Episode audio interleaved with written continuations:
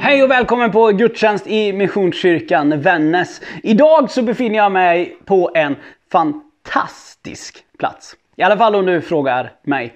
Jag befinner mig i ett snickeri någonstans i Vännäs kommun. Skämt åsido, jag är hemma hos Andreas och Kristin Max i deras källare i Vännäsby. I det här temat som vi har nu som heter vanor så pratar vi om olika typer av vanor. Om några av de vanorna som Bibeln talar om är essentiella och viktiga för alla människor, egentligen allt mänskligt liv. Idag så ska vi ge oss in i ett tema som för vissa är väldigt enkelt. Alltså det, det, är liksom, det är så grundmurat hos vissa. Och medan det hos andra så är det här en kamp. Jag tror att en villfarelse, liksom en dumhet bland oss, det är att vi ibland invaggar oss i att det här ska vara enkelt. Det är som att liksom, det får inte vara kamp kring det här för då är det bara dåligt. Men precis som med allt i livet så kan det här vara en kamp. Precis som med allt här i livet så är det inte heller något som vi ska raljera eller förhålla oss till som enkelt. Det mesta trots allt i livet är ju lite komplext. Men först, så här säger Ordspråksboken i Bibeln om generositet. Den som har ett generöst öga blir välsignad, för han delar sitt bröd med den fattige. Jag ska tala om generositet idag. Generositet på flera plan. Inte om generositet bara att det handlar om pengar, vem, liksom att man ska vara generös med sina pengar, utan på något vis allt vi har och snarare ett förhållningssätt för att se på livet och världen. En av mina absolut största förebilder eh, det var en otroligt generös man i mina ögon. Ni har hört mig citera honom tidigare i olika exempel om generositet. Men han tog ett viljebeslut den här mannen när han fyllde 40 år. Han ville bli mer generös med både pengar, tid, sin förståelse av sin omvärld, sin blick på andra människor och kärlek. Och han bestämde sig. Jag ska försöka varje år under resten av mitt liv bli allt mer generös. Han insåg, det här ligger inte i grunden för mig. Det här var en man som i grunden hade gott om pengar. Han var absolut inte fattig. Det kan vi säga. Han var generös ekonomiskt redan innan. Men det han pekade på när han berättade det här för mig, det var som han sa att alltså innan den här tiden så bedömde jag allting utifrån mig själv. Jag började i att fundera på vem, alltså vad kan jag ge? Hur kan jag ge? Eller, nej förresten sa han, jag började ju inte där. Det var ju min dröm. Jag tänkte att jag började där. Men snarare så var det, först så såg jag till, vad behöver jag köpa till mig och min familj? Vilket ju är rimligt. Men sen fortsatte jag. Vad vill jag själv köpa som är skoj? Vad vill jag in, in, liksom investera i nu? Vad vill jag skaffa mig för prylar? Sen, mot slutet när jag hade gjort allt det där, då kom jag till tanken. Hur mycket ska jag ge tillbaka till Gud eller till Guds arbete i form av församling eller till fattiga eller utmanade? Han sa, jag ville bara förändra hela det måttet. Jag vill liksom ändra. Och det här kom liksom ur ett sorts uppvaknande beskrev han det som. Eh, där han liksom, han insåg att hans prioriteringar liksom var just det här med jaget först. Och det började i liksom, efter att han hade lyssnat på en man som på något vis bara utmanade en mängd människor och uttalade såhär Hur förlitar du dig på Guds nåd i din vardag? Och han konstaterade att, alltså, det där att jag litar på nåden, det låg liksom som någonting jag pratade om, men hur mycket gjorde jag det? Jag förlitade mig ju primärt på mitt eget, min egen lycka. Han insåg, mitt i allt det här så sa han att jag är generös på vissa sätt. Men jag lever inte ett generöst liv. Jag lever inte ett liv där jag först sätter min tilltro till Gud och min nästa. Jag lever snarare ett liv där jag sätter mig och mitt eget hus först. Sen tittar jag till, hur har min nästa det? Och sen tittar jag till det, hur är det med Gud? Hur vill Gud att jag ska göra? Den här processen, ni begriper, den var stor, den var livsomvälvande. Den här mannen blev nästan 80 år, så det var ungefär halva hans liv han levde så här. Och mot slutet, när jag lärde känna honom, jag lärde känna honom efter att han hade fyllt 70 år. Då beskrev han en sak. Och då sa han så här. Det här kan låta otroligt hybrisartat Johan. Men hör min ödmjukhet i det här. Förstå att det här har varit en lång och tuff process, en lång och tuff kamp för mig. Man sa så här. Jag ser mig själv. Jag ser på något vis, försöker se den generositeten jag lever i som ett bönesvar för människor. Min förebild som jag sa, han kom att fullkomligt förvandlas. Han förvandlades i sitt förhållningssätt till världen. Tro mig, det här var en familjeman som hade en stor familj till att börja med, men sen många barnbarn också. Han satte sin familj högt. Han verkligen prioriterade sin familj. Men han lät det aldrig få stanna där.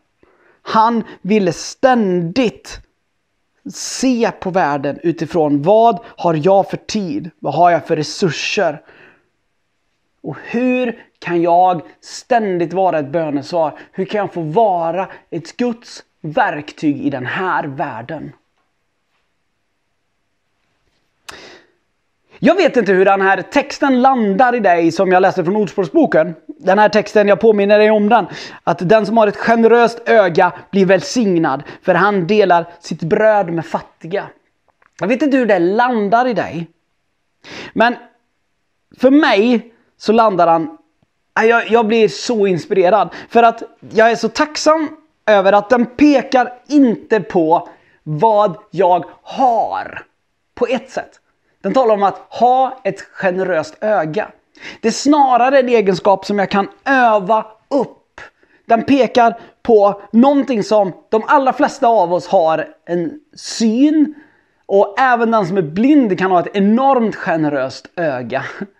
Det är liksom inte kopplat till den förmågan att se eller inte se. Den är inte kopplad till att ha mycket pengar. Den är inte kopplad till att ha mycket pengar, eh, liksom ha en stark kropp. Den är inte kopplad till att ha massa kunskaper. Den är kopplad till att kunna se sina människor, ta in sina medmänniskor och vilka behov de har.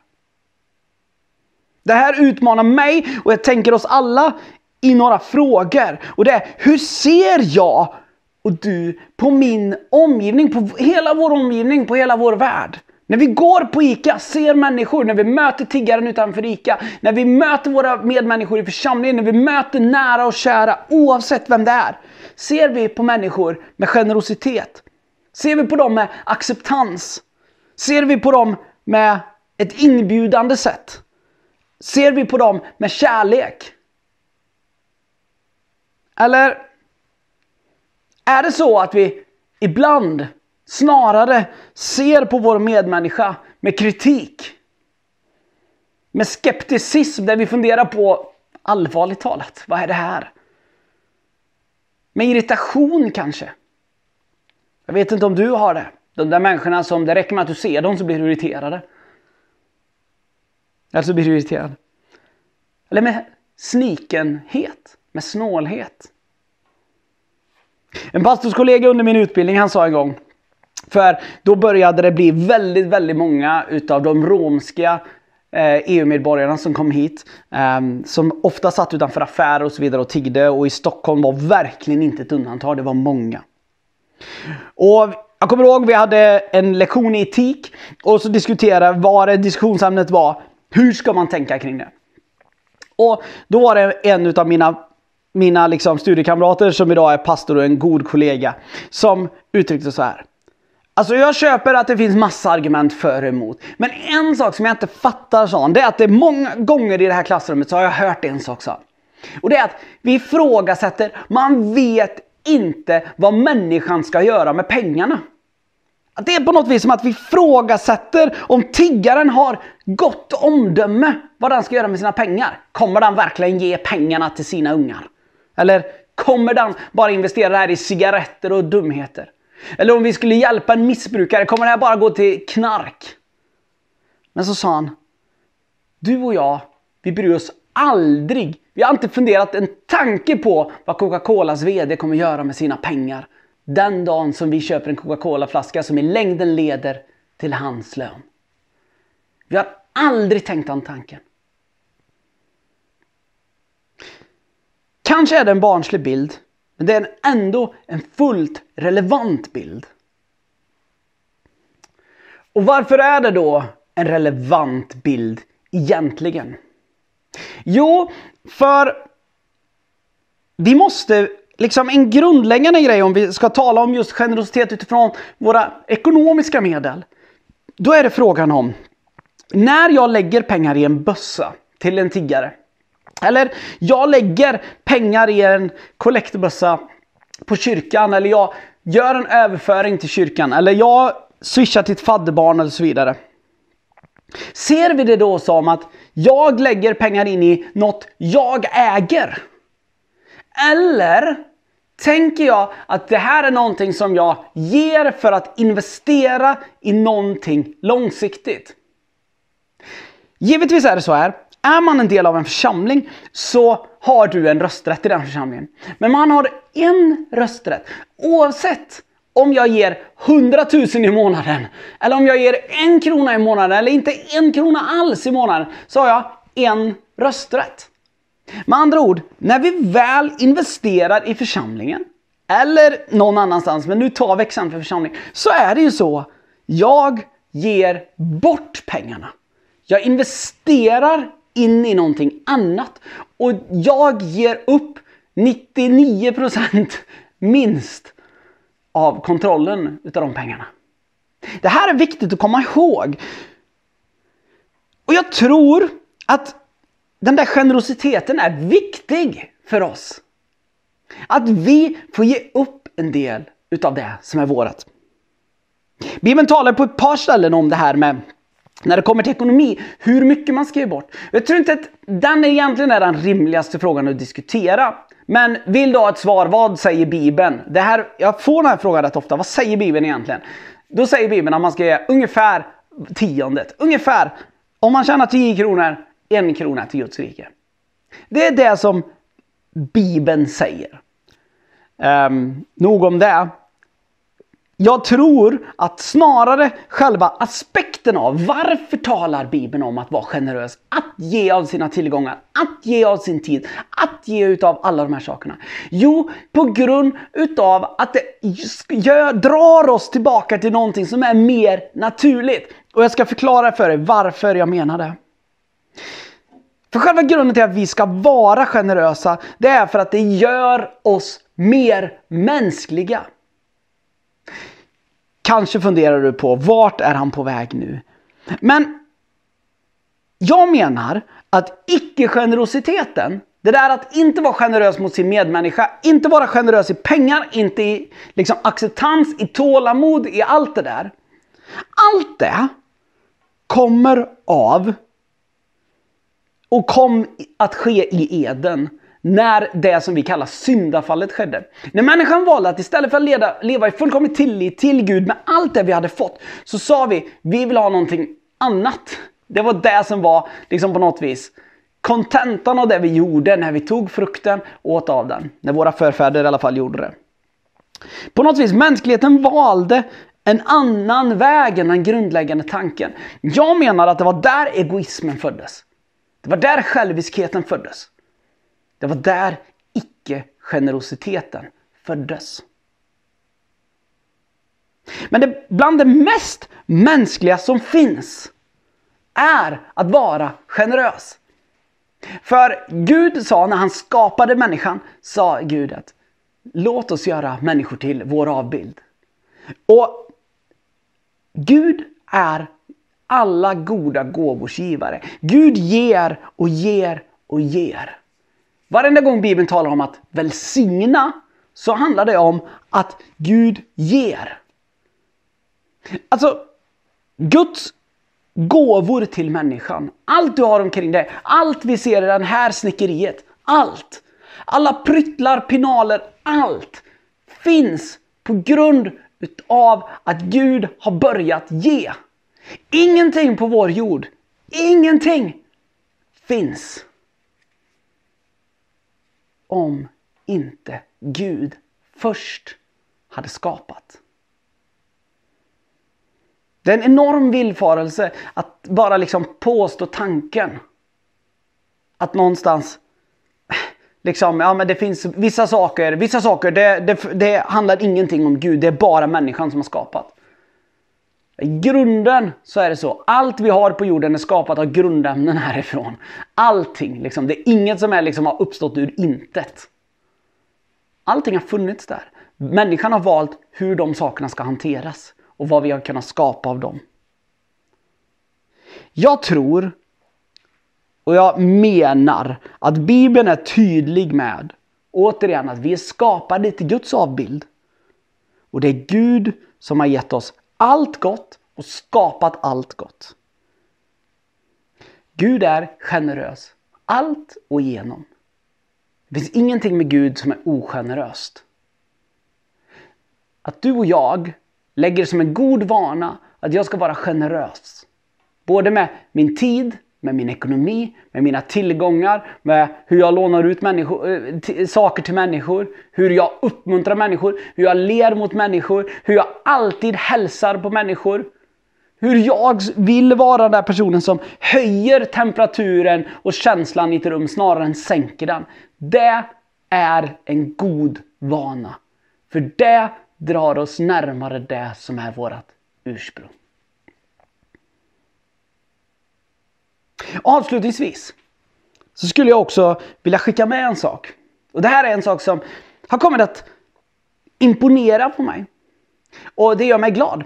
Ehm, de senaste åren så har jag fått höra mer och mer berättelser om att det är det här med hur regelbundet givande har kommit att bli norm i olika rörelser.